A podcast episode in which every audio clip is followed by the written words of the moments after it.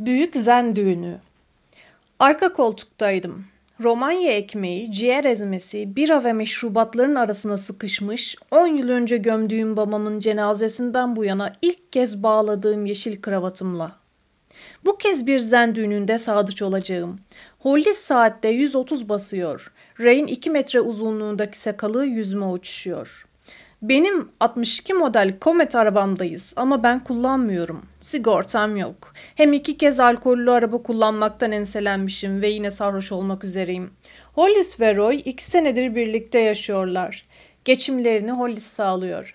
Arka koltukta oturmuş bira içiyorum. Roy bana Hollis'in aile fertlerini tek tek anlatıyor. Roy entelektüel palavra ile daha becerikli ağzı iyi laf yapıyor. Evlerinin duvarları ilginç fotoğraflarla da kaplı aynı zamanda. Fotoğraflardan birinde Roy 31 çekerken boşalıyor.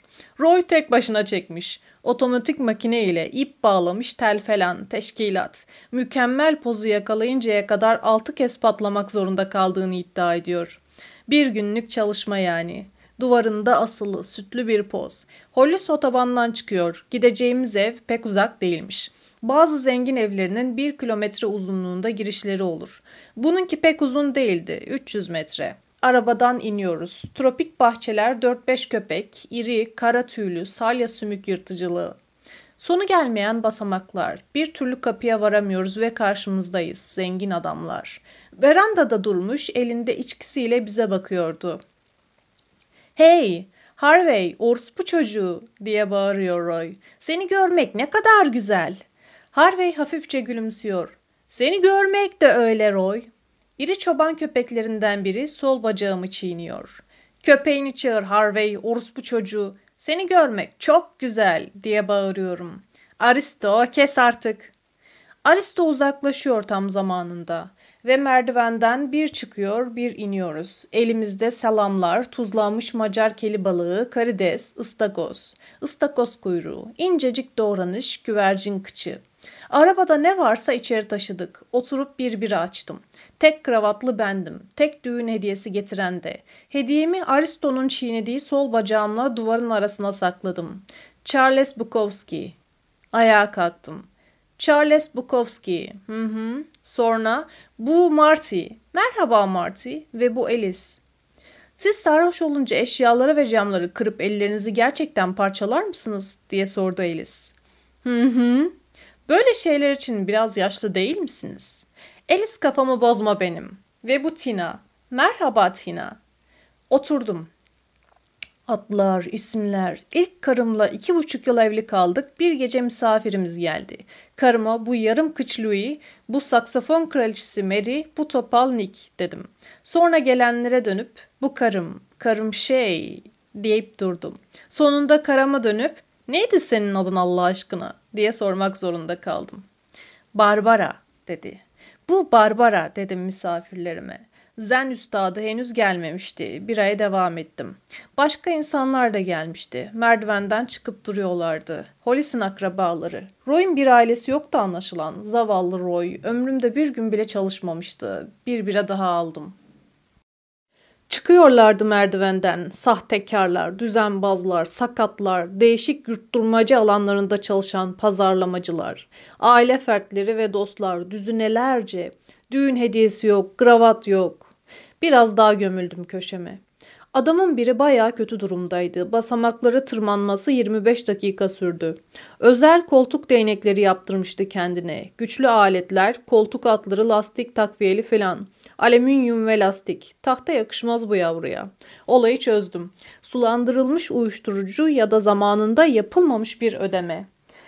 Berber de sakal tıraşı olurken kırılıvermişti diz kapaklarını. Yüzünde ıslak sıcak havlu ile otururken. Birçok hayatı kendini kıl payı ıskalamıştı. Başkaları da vardı. Biri Ukla'da öğretim görevlisiydi. Bir diğeri San Petro körfüzünden Çin balıkçı tekneleri ile uyuşturucu sokuyordu. Yüzyılın en büyük katilleri ve tüccarlarıyla tanışıyordum. Bense işsiz. Sonra Highway yukarı çıktı. Viskiye ne dersin Bukowski? Tabii Harvey dedim. Mutfağa girdik. Bu kravat da neyin nesi? Pantolonumun fermuarı bozuk. Şortum ise çok kısa. Kravat çökümün üstündeki kılları örtüyor. Yaşayan en büyük öykü ustası sensin bence. Tabii Harvey. Nerede viski? Harvey bana şişenin yerini gösterdi.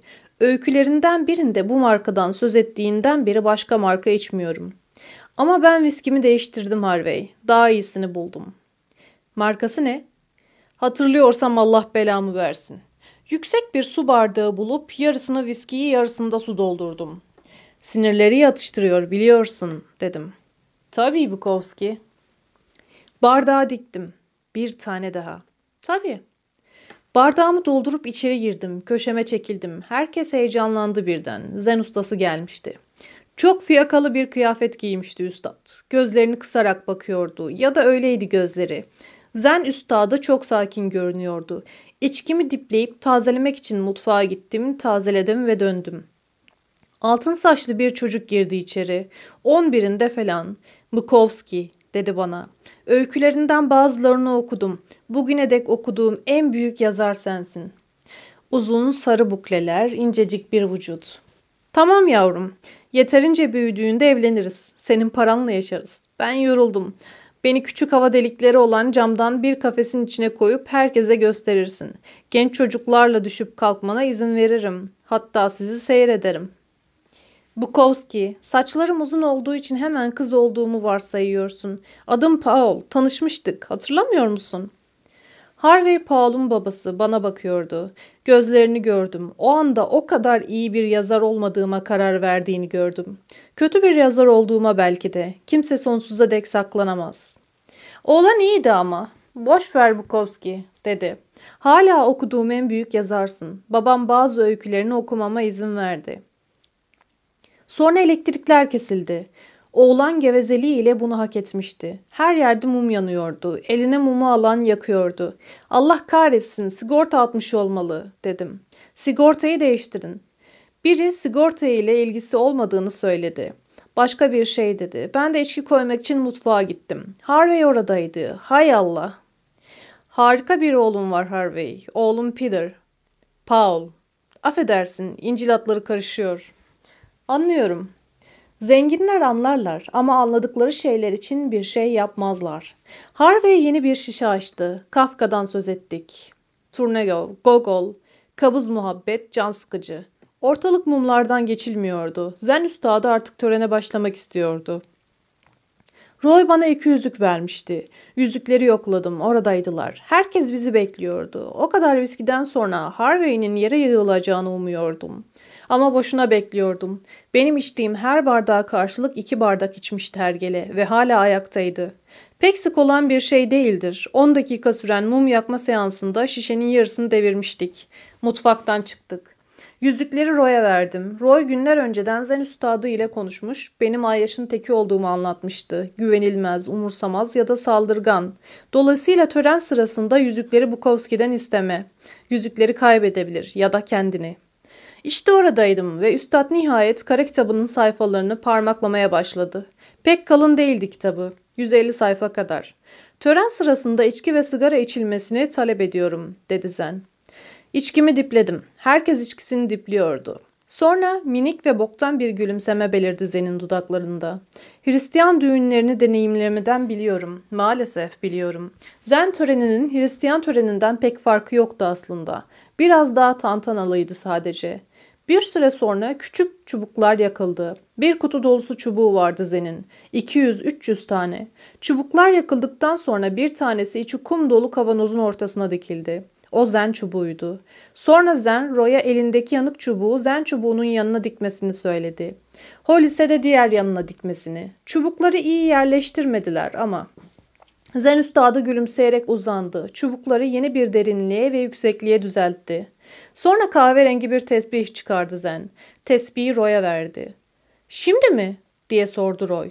Allah kahretsin diye geçirdim içimden. Roy çok okuyan, her konuda bilgi sahibi bir insan. Neden kendi düğün töreni hakkında bilgi edinmez? Zen uzanıp Roy'un sağ elini Hollis'in sol elinin üstüne koydu. Böylece tesbih ikisinin de elini çerçevelemişti. Kabul ediyor musun? Ediyordum. Bu muydu Zen? Ve sen Hollis kabul ediyor musun? Ediyorum. Bu arada götün teki mum ışığında fotoğraf çekip duruyordu yüzlerce. Canımı sıkmış, beni tedirgin etmişti. FBI olabilirdi. Klik klik klik. Hepimiz temizdik tabii ki ama tedbirsizlik söz konusuydu. Sinir olmuştum. Sonra mum ışığında Zen üstadının kulaklarını fark ettim. Mum ışığı kulaklarından geçiyordu. İnce tuvalet kağıdından yapılmıştı sanki kulakları. Bir erkekte o güne dek gördüğüm en küçük kulaklara sahipti Zen. Buydu onu kutsal yapan. O kulaklara mutlaka sahip olmalıydım. Cüzdanıma koyar, erkek kendime verir ya da anı olarak saklardım. Kafamdan geçen bu düşüncelerin nedeninin viski olduğunu biliyordum elbette. Ama bir yandan da bilmiyordum. Zen'in kulaklarından alamıyordum gözlerimi. Başka konuşmalar yapıldı. Ve sen Roy, Hollis ile beraberliğin boyunca uyuşturucu kullanmayacağına söz veriyor musun? Roy duraksadı. Sonra tespihin içindeki eller kenetlendi. Söz veriyorum uyuşturucu kullanmayacağım, dedi Roy. Ve bitmişti. Zen doğrulup hafifçe gülümsedi. Roy'un omzuna dokundum. Tebrikler. Sonra eğildim. Hollis'in yüzünü ellerimin arasına alıp dudaklarından öptüm. Herkes oturmuştu yine. Geri zekalılar. Kimse kıpırdamıyor. Mumlar bütün aptallıkları ile yanıyorlardı. Zen üstadının yanına gittim. Elini sıktım. Teşekkürler. Töreni çok güzel yönettiniz. Hoşuna gitti. Kendimi daha iyi hissettim. Ama gangsterler bir uzak doğulunun elini sıkmayacak kadar aptal ve gururluydular. Roy'dan başka sadece bir kişi daha öpmüştü Hollis'i. Sadece bir kişi sıkmıştı Zen üstadının elini. Yıldırım nikahı kıysalar da olurmuş. Boş bir aile kalabalığı. Düğün bitmiş, ortalık daha da soğumuştu. Herkes birbirine bakıyordu. İnsan ırkını asla anlayamayacağım. Ama birinin şarlatanı oynaması gerekiyordu. Yeşil kravatımı çıkarıp fırlattım. Hey orospu çocukları acıkmadınız mı? Masaya gidip peynir atıştırmaya başladım. Birkaç kişi yerinden kalkıp bana katıldı. Yapacak başka şey yoktu. Onları orada bırakıp viski almak için mutfağa gittim. Mutfakta kendime viski koyarken Zen'in benim artık gitmem gerek dediğini duydum. Aa gitmeyin diyen bir kadın sesi geldi. Son üç yılın en kapsamlı gangster kalabalığının içinden. O bile inandırıcı değildi. Ne işim vardı benim bunların arasında? O Ukla profesörüne ne demeliydi? Yok, hayır. Ukla profesörü aitti oraya. Bir günah keçisi gerekiyordu. Bağışlanmak. Zen'in kapıdan çıktığını duyar duymaz içkimi dipleyip dışarı fırladım. Orospu çocuklarıyla dolu mum ışığı ile aydınlatılmış odada insanların arasından koşarak hiç de kolay olmadı. Kapıya ulaştım, açtım, kapattım ve 15 basamak gerisindeydim Bay Zen'in. 40-50 basamak daha vardı. Onun her adımına iki adım sendeleyerek peşine düştüm. ''Hey üstadım!'' diye bağırdım. Zen arkasını döndü. ''Evet ihtiyar.'' Kıvrıla kıvrıla tropikal bahçeye inen merdivende durmuş birbirimize bakıyorduk. Daha samimi bir ilişki kurmanın zamanı gelmişti. Ya koduğum kulaklarını verirsin ya da kıyafetini. Üstündeki neon ışıklı robu. Delirmişsin sen ihtiyar. Zende bu tür değersiz yargılara yer olmadığını sanırdım. Beni hayal kırıklığına uğrattınız üstad. Zen göğe bakıp avuçlarını birleştirdi. Kendimi basamaklardan aşağı bırakarak ona doğru uçtum. Yere düşmek üzereyken bir yumruk salladım ama yönsüz bir devinimde ıskaladım. Zen beni yakalayıp düzeltti. Oğlum, oğlum. Çok yakındık. Bir direk çıkardım. İyi yakaladım onu bu sefer. Tısladı. Bir adım geri çekildi. Bir direk daha çıkardım. ıskaladım. Yarım metre solundan geçmişti. Cehennemden itbal bazı bitkilerin içine düştüm. Kalktım. Üstüne yürüdüm yine. Ay ışığında pantolonumu gördüm. Kan, mum ve kusmuk lekeleri. Sen de sonunda üstadını buldun bu çocuğu. Açıklamasında bulundum üstüne giderken. Bekledi. Yıllarca ayak işlerinde çalışmak tamamen öldürmemişti kaslarımı. Solumu midesine gömdüm. 110 kilo destekli. Küçük bir nefes bıraktı Zen. Bir kez daha gökyüzüne danıştıktan sonra doğu dilinde bir şeyler mırıldandı ve bana küçük bir karate derbesi indirdi. Şefkatle. O anda bana Brezilya ormanlarının insan yiyen bitkileri gibi görünen saçma sapan Meksika kaktüslerinin arasına düştüm. İyice gevşedim. Ay ışığının altında mor bir çiçek üstüme eğilip nefesimi kesmeye çalışıncaya kadar kaldım orada. Allah kahretsin. Hardwood klasikleri için 150 yıl geçmesi gerekmişti. Seçim yoktu. Yattığım yerden doğruldum. Sürünerek basamakları çıkmaya başladım. Tepeye vardığımda kalktım. Kapıyı açıp içeri girdim. Farkına varmadılar. Boktan muhabbetlerini sürdürüyorlardı. Köşeme yığıldım. Karate darbesi sol kaşımı yarmıştı. Mendilimi çıkardım. Lanet olsun bir içkiye ihtiyacım var diye bağırdım. Harvey elinde içkiyle geldi. Sek viski. Diktim. İnsan vızıltısı nasıl bu kadar anlamsız olabiliyordu? Bana gelinin annesi olarak tanıştırılan kadının bacak açtığını fark ettim. Fena değildi bacakları. Naylon çorap, topuklular. Geri zekalı birini bile tahrik edebilirdi. Ben sadece yarı geriydim. Ayağa kalkıp gelinin annesinin yanına gittim. Eteğini kalçalarına kadar sıyırıp dizinden yukarı doğru öpmeye başladım. Mum ışığının yararı olmuştu. Her şeyin. Birden kendine geldi ve hey diye bağırdı. Ne yaptığını sanıyorsun sen? Kıçından bok çıkıncaya kadar düzerim seni. Ne dersin? İtti beni. Sırt üstü yere serildim. Debelenip ayağa kalkmaya çalıştım. Allah'ın cezası Amazon diye bağırdım. Birkaç dakika sonra ancak kalkabildim. Biri güldü. Kendimi ayakta bulunca mutfağın yolunu tuttum yine. Bir içki koyup dipledim. Sonra bir tane daha koyup dışarı çıktım. Oradaydılar işte. Lanet akrabalar. Roy ya da Hollis, neden hediyelerinizi açmıyorsunuz diye sordum. 50 metre folyo kağıdına sarılıydı. Roy folyoyu açıp duruyordu. Nihayet bitirdi. Bir yastıkta kocayın diye bağırdım. Herkes görmüştü hediyemi. Çıt çıkmıyordu. İspanya'nın en iyi el sanatçılarından biri tarafından yapılmış küçük bir tabut. Alt kısmı pembemsi, kırmızı kaplama. Gerçek bir tabutun küçük bir kopyasıydı ama bu sevgiyle yapılmıştı belki. Roy öldürücü bir bakış attı bana. Tahtanın nasıl cilalanması gerektiğine dair talimat kağıdını tabutun içine atıp kapağını kapattı. Kimse tek kelime etmemişti. Düğünün tek hediyesi hoş karşılanmamıştı. Ama çok geçmeden toparlanıp iki paralık sohbetlerine döndüler. Suskunlaşmıştım. Küçük tabutumla gurur duymuştum oysa. Saatlerce hediye aramıştım. Aklımı kaçırmak üzereyken rafların birinde tek başına duran tabut dikkatimi çekmişti. Üstünde elimi gezdirmiş, ters çevirip içine bakmıştım. Fiyatı yüksek ama işçiliği mükemmeldi. Tahtası, minik menteselleri, her şeyi dört dörtlüktü. Karınca zehirine de ihtiyacım vardı. Karıncalar ön kapıma yuva yapmışlardı. Arka tarafta karınca zehri bulmuş, tabutla birlikte kasaya götürmüştüm. Genç bir kız duruyordu kasada. Tabutu işaret ederek, ''Bunun ne olduğunu biliyor musun?'' diye sormuştum. ''Ne?'' ''Bir tabut.'' Kapağını açıp ona içini göstermiştim. ''Karıncalar beni delirtiyor. Ne yapacağım biliyor musun?'' ''Ne?''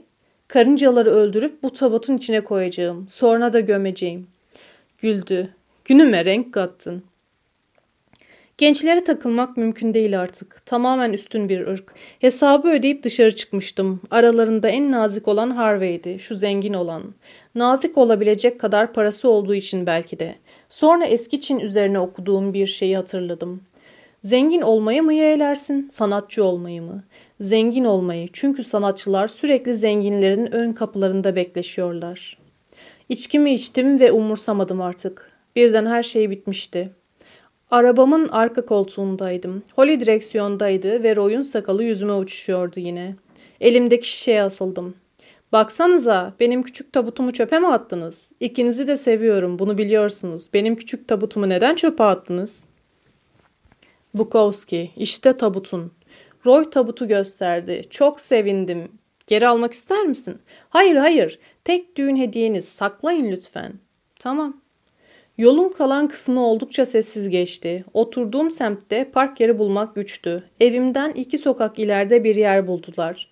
Arabamı park edip anahtarı elime tutuşturdular. Sonra karşıya geçip kendi arabalarına doğru gittiler. Peşlerine takılıp evime doğru yürürken pantolonumun paçalarından birine basıp elimde Harvey'nin şişesiyle yere kapaklandım.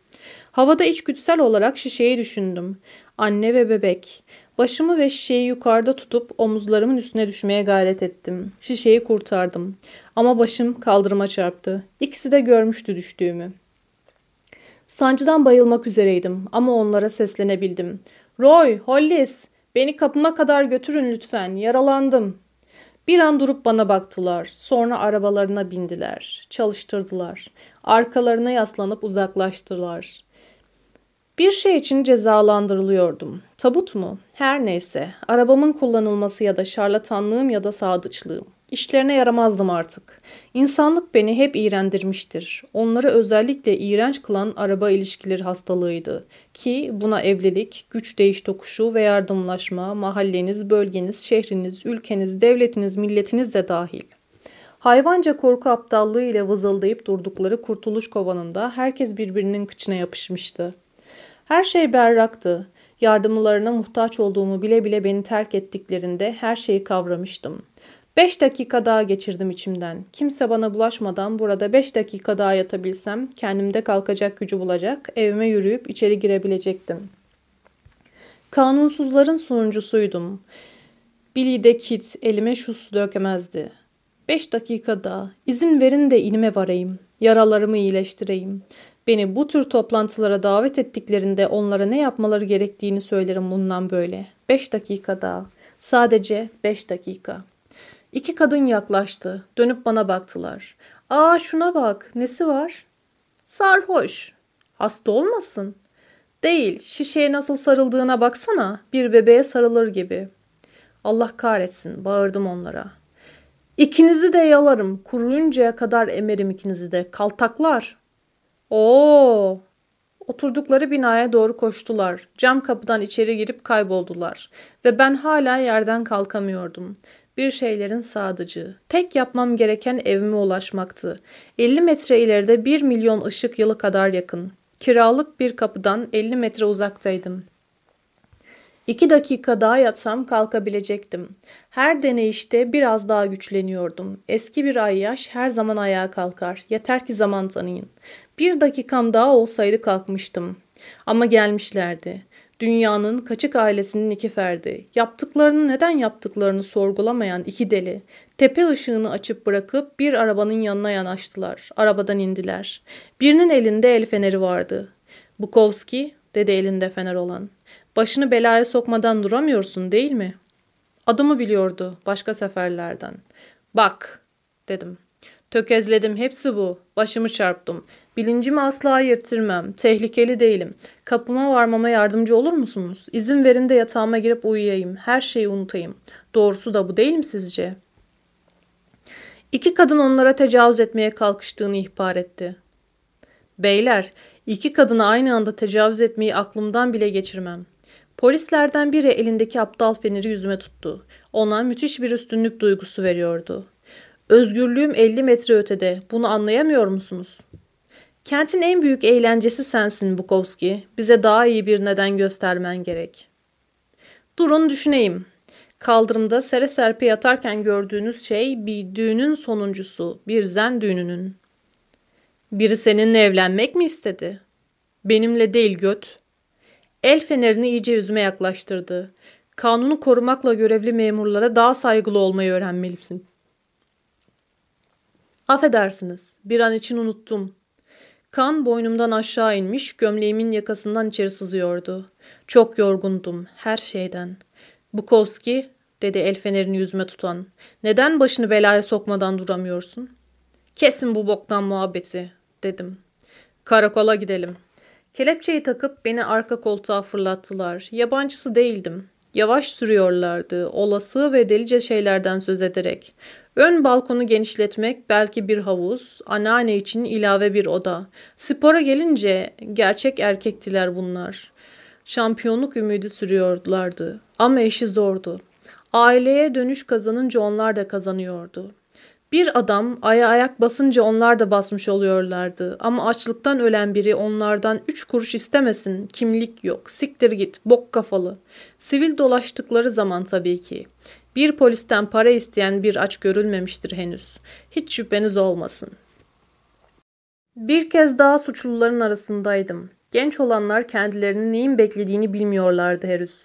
Anayasal haklardan filan söz ediyorlardı. Genç polisler şehir kodeslerinde olsun, kasaba kodeslerinde olsun eğitimlerini sarhoşlar üzerinde çalışarak tamamlarlar. Kendilerini böyle kanıtlarlar. Gözümün önünde birini asansöre bindirip bir yukarı bir aşağı çıkıp indirdiler. Asansörden çıktıklarında adam tanınmaz haldeydi. İnsan hakları diye bağırıyordu zenci asansöre bindirilmeden önce. Sonra beyazlardan biri anayasa diye bağırmaya başladı. Tuttukları gibi öyle bir götürdüler ki yürüyemedi. Ayakları yere değmemişti. Geri getirdiklerinde duvara yasladılar. Zangır zangır titriyordu. Vücudu kırmızı lekelerle kaplıydı. Bir türlü geçmiyordu titremesi. Fotoğrafımı çektiler yine. Parmak izleri bir kez daha. Sonra ayyaşların koğuşuna götürdüler beni. Kapıyı açtılar ve gerisi koğuştaki 150 kişinin arasında kendine bir yer bulmaktan ibaretti. Bir lağım çukuru, kusmuk ve sidikti her yer. Hemşirelerimin arasında kendime bir yer buldum. Charles Bukowski'ydim. Santa Barbara'nın Kaliforniya Üniversitesi'nin kütüphanesinde kitaplarım vardı. Profesörlerden biri benim bir dahi olduğumu düşünüyordu. Tahtaların üstüne uzandım. Genç bir ses duydum. Bir delikanlı. Bir çeyreğe bornuzu üflerim bayım. Bozuk paralarını, banknotlarını, kimliğini, anahtarlarını, çakını ve sigaralarını alıp sana bir depozit makbuzu veriyorlardı ki ya kaybeder ya da çaldırırdın. Ama içeride sigara ve para hep olurdu. Üzgünüm evlat dedim ona. Son kuruşuma kadar aldılar.